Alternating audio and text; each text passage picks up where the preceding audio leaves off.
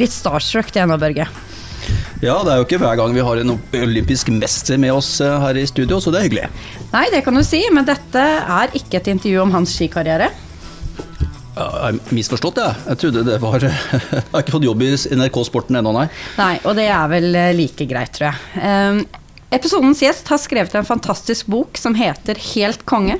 Velkommen til Logistikkpodden, Øystein Pettersen. Tusen takk. tusen takk. Jeg er jo litt starstruck selv også, for det er ikke, det er ikke hver dag jeg er med i Logistikkpodden. Så jeg, det, det, går begge veier, dette her greiene her. sånn. Ja, Men det er eh, godt. Det er hyggelig å høre. det er veldig hyggelig å, å være her, og veldig hyggelig at vi ikke bare skal snakke om idrett. For at idrett er veldig gøy, men det er mange andre ting som også er gøy, så jeg gleder meg. Mm. Hvorfor ønska du å skrive denne boka?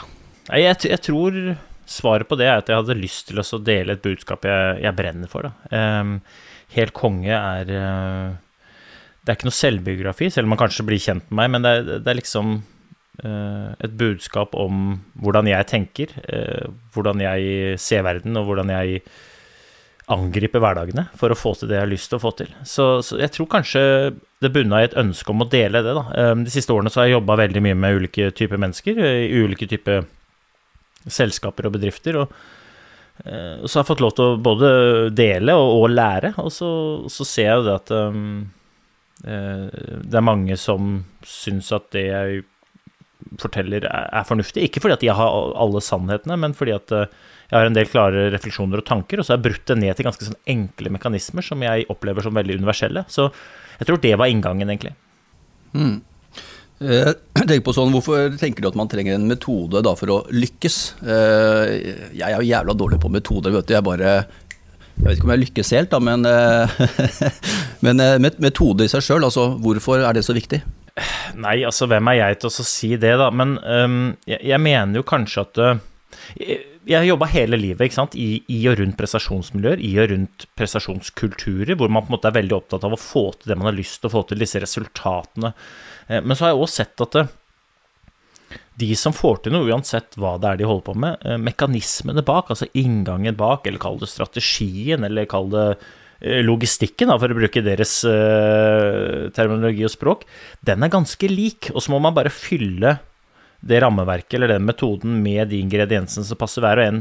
Så på en måte, det var kanskje grunnen til at jeg hadde lyst til å så, også så dele det, samtidig som eh, jeg opplever at det litt for få eh, er bevisst hva det er som skal til for at de skal få til det de har lyst til å få til. Altså, ta et spørsmål som jeg har fått veldig ofte, eh, og som fordi at jeg har drevet med idrett, så spør folk meg hater du å tape.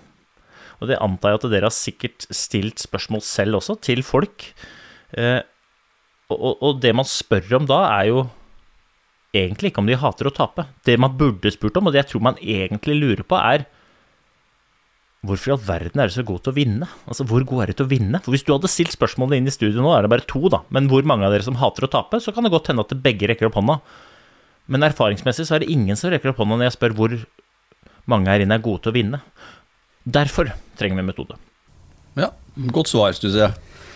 Kongemetoden begynner liksom med grunnmuren. Mm. Hva er det? Hvorfor trenger vi en god grunnmur i livet? Eh, Nå høres det ut som jeg har alle svarene, og det, det, er ikke, dette er min oppfatning, min personlige oppfatning. Men jeg mener at eh, samfunnet har forelska seg i et suksessbegrep som er riv ruskende feil. Jeg mener at eh, samfunnet, slik jeg ser det, verdsetter prestisje, resultater alene. Titler, penger, status, hvilke biler kjører, og det ene. Og jeg skal ikke si at det er feil, og jeg også er veldig glad i gode resultater, og det er det vi lever av alle sammen. Men inngangen til suksess, det er noe annet enn resultatene alene. Jeg har vunnet et olympisk gull, og det er et fantastisk resultat. Men det har ingenting med suksess å gjøre. Eh, For jeg mener at suksess er en følelse. Jeg mener at suksess føles, som tittelen på boka, helt konge. Jeg mener at det, det å lykkes er for alle. Det å bli best er kanskje for noen få. Men eh, inngangen til å lykkes er gjennom å vite hvem du er, hva du står for, hvordan du faktisk opptrer, hva du bringer til bordet, og at det du gjør er i henhold til det du sier at du skal stå for. Så jeg mener at det er derfor det er så viktig å ha den grunnmuren, for det gjør deg litt usårbar for de resultatene du skaper i utgangspunktet. Eh, Jeg kjenner mange folk som har fantastiske resultater, men som ikke har et snev av suksess. For det henger ikke Det, det, ikke det korrelerer ikke nødvendigvis, og derfor så mener jeg at det, den grunnmuren som man skal bygge alt på, forhåpentligvis skal ha kongefølelsen, eh, den er så drita viktig å definere. For da er du veldig usårbar for hva det er eh, utbyttet blir i, i, andre enden, hver eneste dag. Men så vet jo jeg at hvis folk går rundt og føler seg helt konge, hvis folk går rundt og så faktisk opptrer i henhold til egne verdier, da, f.eks., så er folk stort sett ganske gode folk som er bevisste på hva de gjør, og hvilke handlinger de gjennomfører. Og gode valg og gode handlinger over tid, det leder til fantastiske resultater. Så det er ikke noe sånn at du må velge enten den ene eller den andre leiren er sånn. Jeg mener at uh, den boka som jeg har skrevet, og, også denne tankegangen, sikrer deg, i tillegg til gode resultater, suksess. Mm. Mm. Og jeg, det skal ikke legge skjul på, jeg er jo forelska i denne boka. Jeg har jo til og med sånne rosa lapper. Eh, og har begynt å jobbe med meg selv. Um, Uh, og det første egentlig som jeg opplever med å bruke Biadin-metoden, er at jeg sier mer nei. Ja. Fordi, det er drita gøy å høre. Få høre. For det passer eh, Nei, det er mer sånn at det passer ikke i forhold til de mål og verdiene jeg har sagt, som er viktige for meg i livet. Uh, og da, jeg, da, der, da, må jeg si nei til det, for det gir ikke meg suksess. Det gir kanskje deg suksess, men det gir ikke meg suksess. Det, er, det, der er, det der er et kjempegodt poeng som jeg tror mange kan kjenne seg igjen i. For at den der kunsten av å si nei jeg, jeg, tror vi syns det er vanskelig fordi at vi er så opptatt av hva alle andre syns om oss, selvfølgelig, og, og for å tilfredsstille alt og alle. Eh, men det går, må ikke gå på bekostning av å tilfredsstille både deg selv og de du bryr deg aller mest om. Altså Tid er noe som vi har veldig begrensa ressurser av. Eh, allikevel så opplever jeg at veldig mange sløser det ganske ukritisk. Jeg skulle bare si kona mi akkurat på det der. Er, eh, altså, du blir flink på å si nei, da. Ja. Sånn, man har vært ja-menneske hele tiden, og opp gjennom ungdommen og oppveksten, og si ja, ja, tilfredsstille venninner, og venner hele tiden. og det så jeg tror jo nei, jeg er helt enig. Mm. Og forresten, boka di, eh, jeg har lest den jeg òg. Altså, jeg leser nesten ikke bøker, så jeg satt hjemme her, så sier kona mi hva du driver med nå? Så sier jeg, du leser den boka? Ja. Så bare jøsse navn, mm. hva har skjedd? Men, så det er veldig gøy. da. Jeg, jeg tror du er inne på selve kjernen i, i, i, i suksessbegrepet. da. Jeg tror, jeg tror du er inne på kjernen der, liksom mm, Det å være bevisst hva det er man faktisk har lyst til å verne om, og, og, og priorit, tørre å prioritere det. Men man har ikke lyst til å skuffe noen, så sier man ofte ja til andres forventninger. Og så, og så når man da gjør dette, så kan det godt hende at de blir tilfredsstilt. Men det går stort sett utover deg sjæl og de du har lyst til å bruke tid, energi og ressurser på. Eh, folk har sagt til meg f.eks. at ja, for å, for å, lykkes så må man jo være en egoist. Og så hører jeg det som en sånn litt sånn negativ greie. Eh, og jeg er helt enig i at for å lykkes så må du være egoist, og det er derfor jeg spiller inn dette digitalt og ikke fysisk i studio, fordi jeg, egoistisk nok, verdsetter tid sammen med familien på en fredag større enn å være i studio sammen med dere og reise fram og tilbake fra Lillehammer, for det ville jeg brukt hele dagen på, og nå bruker jeg bare den tiden vi sitter og prater sammen. Og det er veldig egoistisk, men jeg føler meg helt konge når jeg logger av her sånn, og jeg har gjort den jobben jeg har lyst til å gjøre, og kan hente i barnehagen. For det tenkte jeg, han skal hente i barnehagen klokka tre. Så, og, mm. og jeg, jeg, digger det. Det er bare så, å være så bevisst på hva man faktisk velger, da. Eh, og når jeg skulle begynne å jobbe litt med verdiene mine, da, det, for der tror jeg, trenger, her trenger, vi mange trenger litt hjelp. Fordi jeg har lyst til å være modig. Jeg har lyst til at modig er min verdi. Mm. Men jeg føler meg jo ikke modig. Når alt kommer til alt, så Nei. så er det jo veldig mye jeg ikke tør, da. Så kan jeg sette modig som en verdi da? Ja, det syns jeg du kan, da, men da må, du da, uh, da må man gå tilbake til oversikten. Eller så, kongemetoden er jo veldig enkel, og jeg mener at den er universell. Uh, og også uh, kan brukes til å definere verdiene, og, og, og, for hva som skal til for å etterleve. For én ting er å si en verdi, men en verdi er ikke verdt noe før man begynner å etterleve den, ikke sant. Så hvis du da sier at ja, men jeg har lyst til å være modig, men du føler at du ikke er modig, ok, men greit, bryt ned hva modig betyr for deg, da. Få oversikt, det er jo steg to. Få oversikt over hvor du er i forhold til det konkrete målet. Og hva du må gjøre for å føle deg modig. Og Da må du planlegge da, når du har tenkt å være modig. Og så må du gjøre, så kan du evaluere når du har gjort det eller ikke. Men akkurat mot er kjempespennende, for at det er mot Jeg tror det er noe som alle har lyst til å være. Alle har lyst til å være modig. Men så kjenner vi jo da på frykt for å mislykkes, eller forfengelighet, det kan være janteloven, det kan være at eh, du ser framtida med hukommelsen. Altså den du har vært, står i veien for den du kan bli. Du sa jo akkurat 'jeg er ikke modig'. Altså, det, eh, hvis du sier det, så kommer du aldri til å bli modig. Men hvis du sier 'jeg skal bli modig', Det er noe helt annet, men bare definere det, og så gjøre det. Og det er ikke noe sånn machofjas som ikke går rundt og være redd, det er ikke det jeg sier. Men man bare skiller mellom hva som er farlig, og hva som er skummelt. Og så overvinne. Og mot Altså, jeg kan godt sitte her og oppmuntre deg til å utvise mot, men det er kun du som kan ta det der skrittet selv. Altså, mot er det er ingen som kan gi deg mot. Det er bare noe du må bestemme deg for å utvise. Men jeg er helt sikker på at du har det, i bøttevis. Mm.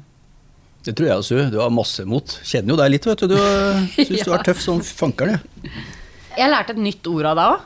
Ok. Jeg har aldri brukt ordet moment i livet mitt eh, sånn så veldig.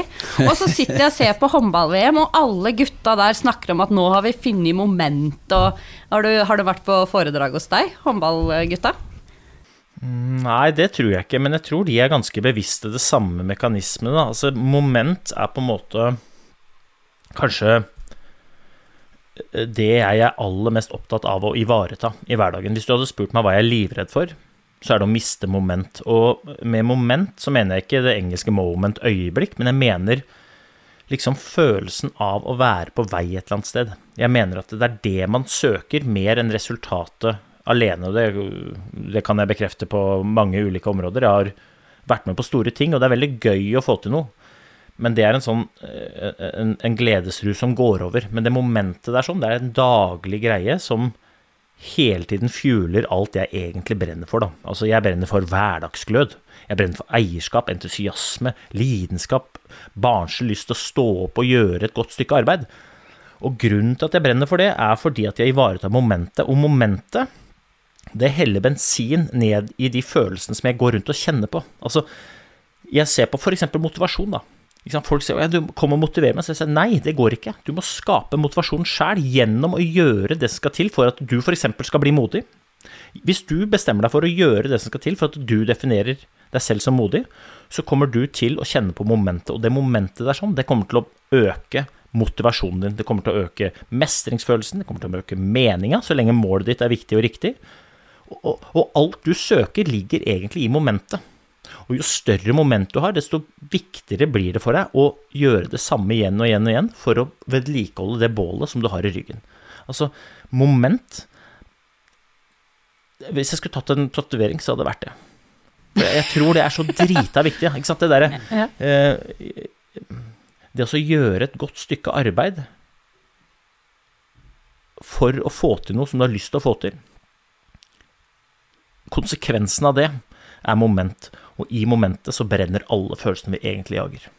Eh, helt enig. Og, eh, men så tenker jeg det at sånn i hverdagsting, for jeg, det handler jo litt om sånn selvutvikling, være, liksom, være litt, eh, litt på, men man mister jo det her hele tida, ikke sant. Eh, Man har jo barn sjøl, og plutselig så er man stressa, eller liksom, Er det noen gode sånn tips og triks sånn, i forhold til at liksom liksom at det kommer noen signaler til nå, er- Børge, nå er det ute av momentet, eller nå har du mista litt fokus. Er det liksom en tanke, en idé? Har du noen sånne egenskaper som du benytter når du på en måte ønsker å komme tilbake i fokus igjen? da?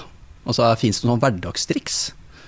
Ja, det tror jeg. Jeg tror det finnes en haug av triks. men Altså, men, men det viktige her er at hver og en på en måte definerer hva de selv har lyst til å gjøre. Da. Men jeg tror veldig mye Ja. ligger i det. da. Altså, jeg tror veldig mye ligger i bare det å definere hva i all verden er det jeg skal bruke tid, energi og ressurser på. Og det, ikke, ikke betydningen hele tiden jobbe, men hele tiden å vite hva er det jeg har tenkt å gjøre nå. Da. Så hvis du kommer hjem fra jobb i dag og har bestemt deg for å være pappa, så anbefaler jeg deg å legge vekk alt som hindrer deg i det, og så bare vær pappa. Og så kommer du til å kjenne moment gjennom å gjøre det du har bestemt deg for å gjøre, nemlig å være pappa. Og hvis det er et mål du betyr, som betyr noe for deg, så kommer du til å føle deg helt konge, du. Men hvis du går inn døra og har bestemt deg for å være pappa, og er litt på jobb og litt på ditt og litt på datt, og ikke er pappa, men du bare er til stede, så kommer du ikke til å føle konge. Du kommer ikke til å kjenne det momentet jeg prater om. Og du kommer til å legge bort og tenke faderen, i dag har det vært hektisk. Altså, jeg mener at folk er litt for opptatt med å være opptatt, istedenfor å være opptatt av hva er det jeg skal bruke tida mi på. Og det er to forskjellige ting. Så det er ikke noe sånn Det er ikke noe machofjas om, om å jobbe mer. Det er ikke noe machofjas om at kom igjen, folkens, nå må vi gå til barrikaden og jo, stå på. Det er ikke noe her må vi, Moment handler ikke om å bli sliten. Det handler bare om å gjøre det du har bestemt deg for å gjøre, og gjøre det skikkelig. Og så kommer du til å kjenne på de positive affirmasjonene med det. Altså Vi i kveld skal se på 'Mesternes mester'. Jeg er det tilfeldigvis med, men altså da skal vi gjøre det. Og de som ringer meg da, de får bare ringe. For at jeg ser på 'Mesternes mester' sammen med mine to kids, og vi koser oss gløgg i hjel med taco og cola, ikke sant. Og det er det vi gjør, og det skaper det momentet som gjør at når vi legger oss i kveld, så føler vi oss alle sammen helt konge, for vi gjorde det vi hadde bestemt oss for å gjøre, skikkelig. Eller så går man på rulleskøyter i garasjen. Det kan man òg gjøre. Det er jo eh, Nå refererer du til en historie som jeg syns er veldig kul. Da, for at dette handler jo om liksom de der hverdagslige utfordringene som du nettopp prata om. Det er mange ting som, som dukker opp. Og jeg tror at eh, alle sammen har utfordringer.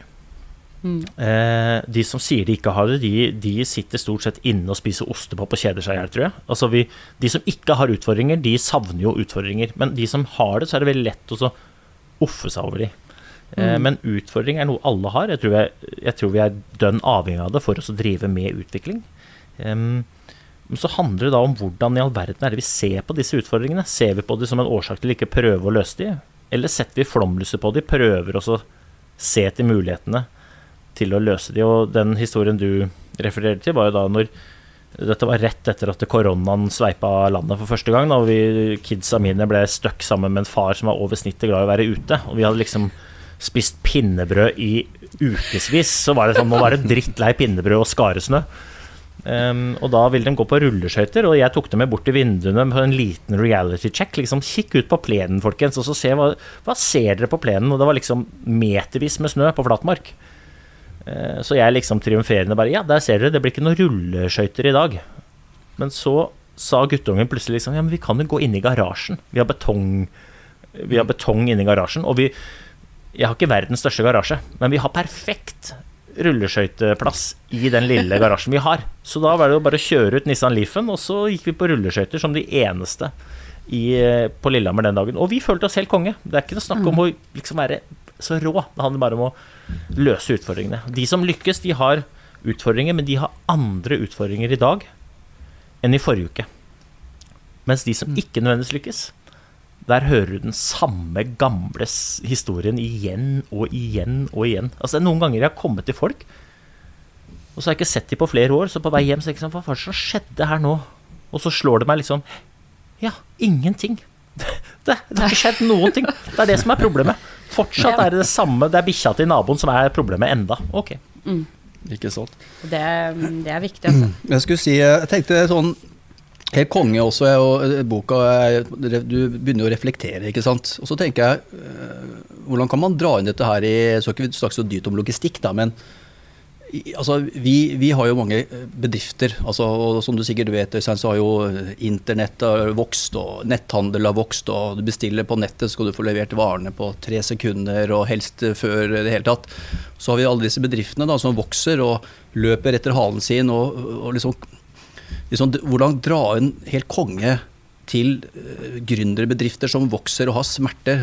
Først har de ett barn, så får de to barn, og så får de plutselig tvillinger. Og så kan du si litt, altså er det noen, noen måte å tenke å bli, bli helt konge på jobben? Eh, ja, jeg, som sagt, jeg mener jo at, eh, at, at det er en universell metode. Og, og metoden har sikkert folk hørt før også. Metoden er ikke verdt en dritt uten at du bruker den til noe. Men helt konge, det er jo Det er slik jeg tenker for å løse alle de utfordringene eller de problemene eller de drømmene eller de målene jeg har for meg sjæl.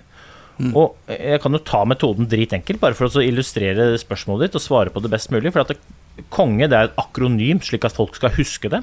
Og så er helt konge beskrivelsen av hvordan jeg føler meg når jeg får til noe. Jeg føler meg helt konge når jeg får til noe. Hva folk Jeg tror folk kan kjenne seg igjen i helt kongefølelsen. Det, er ikke noe, det, er ikke, det handler ikke om uh, tittelen konge, uh, det handler mer om følelsen. Men, men K-en står for konkret mål. altså Felles for de som får til noe, er at de veit hva det er de har lyst til å få til. Hvilke problemer de skal løse, eller hvilke mål de skal nå.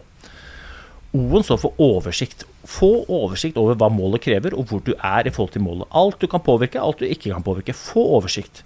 N-en står for nøyaktig planlegging. Planlegg det du har fått oversikt over, basert på det målet du har satt deg. G-en står for gjennomføring. Gjør det planen sier, basert på oversikten, basert på målet. 1. Dritviktig. 1 står for evaluering. Sjekk at det du gjør, bringer deg nærmere målet. Hvis det gjør det, få tak i årsaken til hvorfor, og begynn på nytt, enda smartere. Hvis det ikke gjør det, få tak i hva det er som gjør at du beveger deg lenger unna målet. Begynn på nytt, enda smartere. Og så er det en ny runde. Så jeg mener jo at eh, kongemodellen den kan brukes til å løse det problemet ditt. Men så må man jo da skille mellom eh, noe annet også. For én ting er jo på en måte å løpe etter sin egen hale og løse de problemene og utfordringene man står i. Men hvis man da skal vokse, f.eks., bli bedre, om det er på bedriftsnivå eller om det er på personlig nivå, du skal bli modigere, eh, eller bedriften skal løse disse logistikkproblemene, da tror jeg man må skille mellom endringer og utvikling. For jeg mener at det er to forskjellige ting. Endringer er noe som kommer utenfra, og som du må reagere på. De som løper i, etter egen hale, de driver med endringer og bare reagerer. De som blir bedre, hvis du skal bli modigere, så må du gjøre noe annet. Og det er ikke å reagere, men det er å agere. Det er utvikling. Det er bevisste valg og bevisste handlinger i den konteksten du står, for å se om du kan løse ting på en litt annerledes måte for å drive utvikling. Og det er to helt forskjellige ting. Alle driver med endringer hele tiden. Det må vi gjøre. Altså Alle sammen må forholde oss til endringene som kommer. Men litt for få driver med utvikling. Og jeg skulle ønske at folk hadde tatt det eierskapet til at uansett hvor god du er, så fortsett å drive med utvikling. da. Få tak i hva det er som gjør at du er blitt så god i utgangspunktet, og se på hvordan du kan bli enda bedre. For Hvis ikke du gjør det, så velger du aktivt å gå over i 'jeg skal bare reagere'-båsen. Og da til slutt så kommer det noen konkurrenter som skaper utvikling gjennom å drive med utvikling daglig. Når de når et visst nivå, så må du reagere på dem. Det er jeg helt enig i. Og, og, jeg tror at det du sa i stad, det her med altså i, i, konge, da, altså de forskjellige begrepene, men altså én, evaluere, det føler jeg på sånn type jobbperspektiv er en klassiker hva man ikke er gode på. Og det er grunnen til at man ikke kommer seg videre. For du løper etter halen, og så tenker du her må vi gjøre noen endringer, vi må komme oss videre. Og så gjør du det, så tar du et valg du investerer kanskje i automasjon, eller du gjør noe annet. Og så er du fornøyd, og så glemmer du å gå et steg tilbake og evaluere og si at kan vi bli enda bedre? Hva er bra, hva er dårlig? Men da har man liksom slått seg til ro med at man har gjort en endring, og så gjør man kanskje det helt til man løper etter halen igjen. Mm. Så hvorfor ikke gjøre en endring og så evaluere, kanskje jevnlig? En gang i halvåret, en gang i året. Det tror jeg er eh, veldig viktig. Jeg skulle ønske at man gjorde det hver eneste dag, for å være helt ærlig. Altså, ja, evaluering ja. handler jo om å avsjekke at vi ikke bare er opptatt med å være opptatt. Evaluering handler om å se at den innsatsen vi legger ned For det, folk legger ned masse innsats. Folk er drita gode til å stå på. Men jeg skulle ønske at vi var nøyere med å sjekke at vi står på med den retninga vi har lyst til å gjøre det. For det å bli sliten, eller det å jobbe mye, det er ikke noe suksessfaktor. Men det å få mye gjort, det er noe helt annet. Og det trenger ikke å være den som jobber mest, som får mest gjort. Det er to helt forskjellige ting. Men jeg, jeg opplever ofte at det, vi snubler i skolissene allerede på K-en. Altså konkret mål. Hva i all verden er det vi skal skape? Hva, hvilke problem er det vi skal løse? Hvilke retning er det vi skal gå? Mm. For hvis det er sånn at folk går på jobb, men ikke vet helt hvorfor, så tror jeg det er veldig vanskelig å skape momentet. For mm. tilbake til moment. Hva var moment? Forutsetning for moment det er at det er det er en retning, for moment er følelsen av å være på vei dit hvor du har lyst til å komme. Da må du vite hvor det er du har lyst til å komme. Hvis ikke du har det, så er du opptatt med å være opptatt. Og da vil du ikke Altså, sett folk til å begynne å jobbe. Eller inviter noen folk ut på tur. Det går ikke så mange ukene før noen spør hvor i all verden er det vi skal. Det, for det, uansett hvor glad du er i å gå, så er det liksom sånn liksom, så Det er dritviktig å ha det der målet for å skape det momentet og når du alle sammen vet målet Jeg, jeg opplever at altfor få har helt konkret forhold til hva er det vi skal. Hva er det som blir forventa av meg? Hva er det jeg kan forvente av deg? Hvilke forventningsavklaringer er det vi har? Og hvis man ikke har det i bånd, så kan du evaluere så mye du vil. Men du evaluerer jo på et ganske sviktende grunnlag. For hva er det vi evaluerer? Ja, ja, Jørn står på mye. Ja, kjempebra. Hva er det han står på med? Litt usikker på det, faktisk. For han er så opptatt at jeg har ikke hatt tid til å spørre han. Så liksom igjen, da. Det høres flåsete ut, og, og, metoden er dritenkel. Men hvis man klarer å begynne å være systematisk i hvordan man angriper hverdagen mm. og, og, jeg mener hverdagen som i alle fasetter av hverdagen. Med dette, dette mønsteret så vil man ganske snart innarbeide seg et system hvor man på en måte hele tiden jobber metodisk for å løse de utfordringene, eller nå de målene, eller det ene eller det andre. Og, og det er grunnen til at jeg skrev boka. Mm. Mm. Og du, og du, var jo litt inne på det her med liksom, sa veien blir til. Men, men uh, man har jo vokst opp på uttrykk liksom, 'veien blir til mens man går'. Eh, mot et mål, da. Men du har liksom snudd litt på det i boka. Du, du sier liksom ikke 'veien blir til'. Hva, Eller jeg sier at veien blir til, men det, det er som du sier, da. Ikke? De fleste sier ja, ja, men slapp av, pølsa. Veien blir til mens man går. Og det, det er greit, men aller, aller fleste de går jo ingen steder. De er jo opptatt med å løpe etter egen hale. De løper rundt i hamsterhjulet. Jeg sier at veien blir til hvis du går. Og det er noe helt annet. Du skulle bli modig. Ja. Og da kan du godt sitte der og si ja, ja, veien blir til mens Jeg blir kanskje modig etter hvert. Nei. Det blir du ikke. Men du blir modig hvis du begynner å gjøre det som du har definert som det å være modig. Veien blir til hvis du tar det første skrittet og begynner å være modig. Og da skal jeg love deg at du kommer til å få til Det er ikke noe rakettforskning som skal til for at du skal få til å være modig.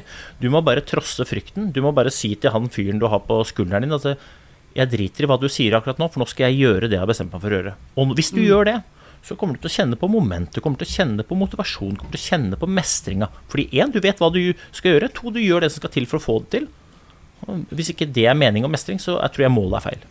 Kan ikke vi ha en avtale her og nå, da, så at du neste uke nå gjør du et strev for å bli modigere, og så evaluerer jeg og du Ja, om ei uke. Jeg, skal, eh, jeg har en plan, så jeg skal tagge Øystein på LinkedIn. Som skal følge med på mine modige skritt, hadde jeg tenkt. Ja, så drit... Hva, kan, jeg spørre, kan jeg spørre da, liksom bare for å konkretisere det? For det her er lett at det blir loddent igjen. ikke sant? Men, Ja. ok, hva, hva- er det som er årsaken til at du føler at du ikke er modig, og hva er det du definerer som modig, da? Eh, det er å tørre å begive seg kanskje litt ut på ting som er, eh, man ikke egentlig kan. Eh, si eksempel at eh, Jeg spør for en venn. Si eksempel at jeg har lyst til å skrive en true crime-bok, da. Det å ta steg for å snakke med noen om det. Lille meg fra Mysen har lyst til å skrive den bok og tror at jeg har eh, stor peil på seriemordere, liksom. Det steget der Jeg har masse tanker og ideer der, men det å være modig og liksom Hei, her er jeg. Det er, det er vanskelig for meg. Men i andre situasjoner så blir jeg nok sett på som veldig modig og tøff og handlekraftig. Men akkurat på det syns jeg det er vanskelig å være modig, da. Og, og hvor står du i forhold til det nå? Hva, hva, det som, hva ligger i dørstokkmila di, liksom? Hva, hva er det du er mest redd for? Det, det er jo ja. Det er jo det å ikke være god nok, da. Mm, så det er frykt for å mislykkes, og eventuelt Ja. kanskje Jeg pleier å si ofte at det, forfengeligheten henger ofte tett sammen med det. Da, for det er liksom Ja. ikke det at du tror at du er verdensmester i det, men du er så drita redd for hva jeg og, og makkeren din syns om at du skal lage krim, liksom. Krim! Ja. Og, og, men det er jo Jeg tenker det er, Nå er du jo inne på kjernen, da. Jeg sa det til deg i stad, vi ser framtida med hukommelsen. Eller den du har vært, er ofte den største hinderet for hvem du kan bli. Mm. Eh, eh, men da er det jo bare å så da, da har du fått oversikt, du vet målet, så har du fått oversikt. Ok, greit, men da vet du jo hva du må gjøre for at eh, du skal være modig, da. Du må si til noen, gjerne til hele verden, at du har lyst til å skrive en bok. Når er du tenkt å gjøre det? Nå kjenner jeg at det Nei, Jeg tenkte jeg skulle begynne snart nå, da. Ja, Ja, det er veldig loddent. Det er veldig loddent. Det er som min mor, hun Ja. sier hun skal spise Ja. mer fisk. Og så spør jeg når er det? Nei, det er eh, Det er litt Det er når det passer Snart. seg. Ja, og hun har liksom hatt det samme nyttårsforsettet eh, i mange år. Eh, Veien blir til mens man Nei, går, men- vet du, Øystein. Når er det du skal si til verden på LinkedIn at du har lyst til å skrive en bok, og trenger hjelp til det, for du kan ikke så mye om det? Det skal jeg gjøre i løpet av denne våren. Før påske. Før påske? påske? Ja. Det er bra. Kan du være enda mer konkret, eller? Sett en dato. ja. Eh, innen eh, 1. Nei, ikke april. innen 1. april. Nei. 1. april sk- Nei, det, da blir april snart. Det skal jeg ikke. Ja, det kan du ikke, Sue. Nei. 20. mars. 20. mars. Deilig. Ja. 20. mars. Ok, greit. Da har du da satt ned at eh, målet er at du skal si til verden at du skal skrive en, eh, en, en roman da. eh, Eller en mm. krim. Eller du har lyst til det, du trenger hjelp. Du kan godt skrive at du er livredd. Ja. Og så eh, eh, er, da, det, da er vi inne på G-en, da. Gjennomføre. Og da vet du hva du skal gjøre. ikke sant? Da må du gjøre det den 20. mars.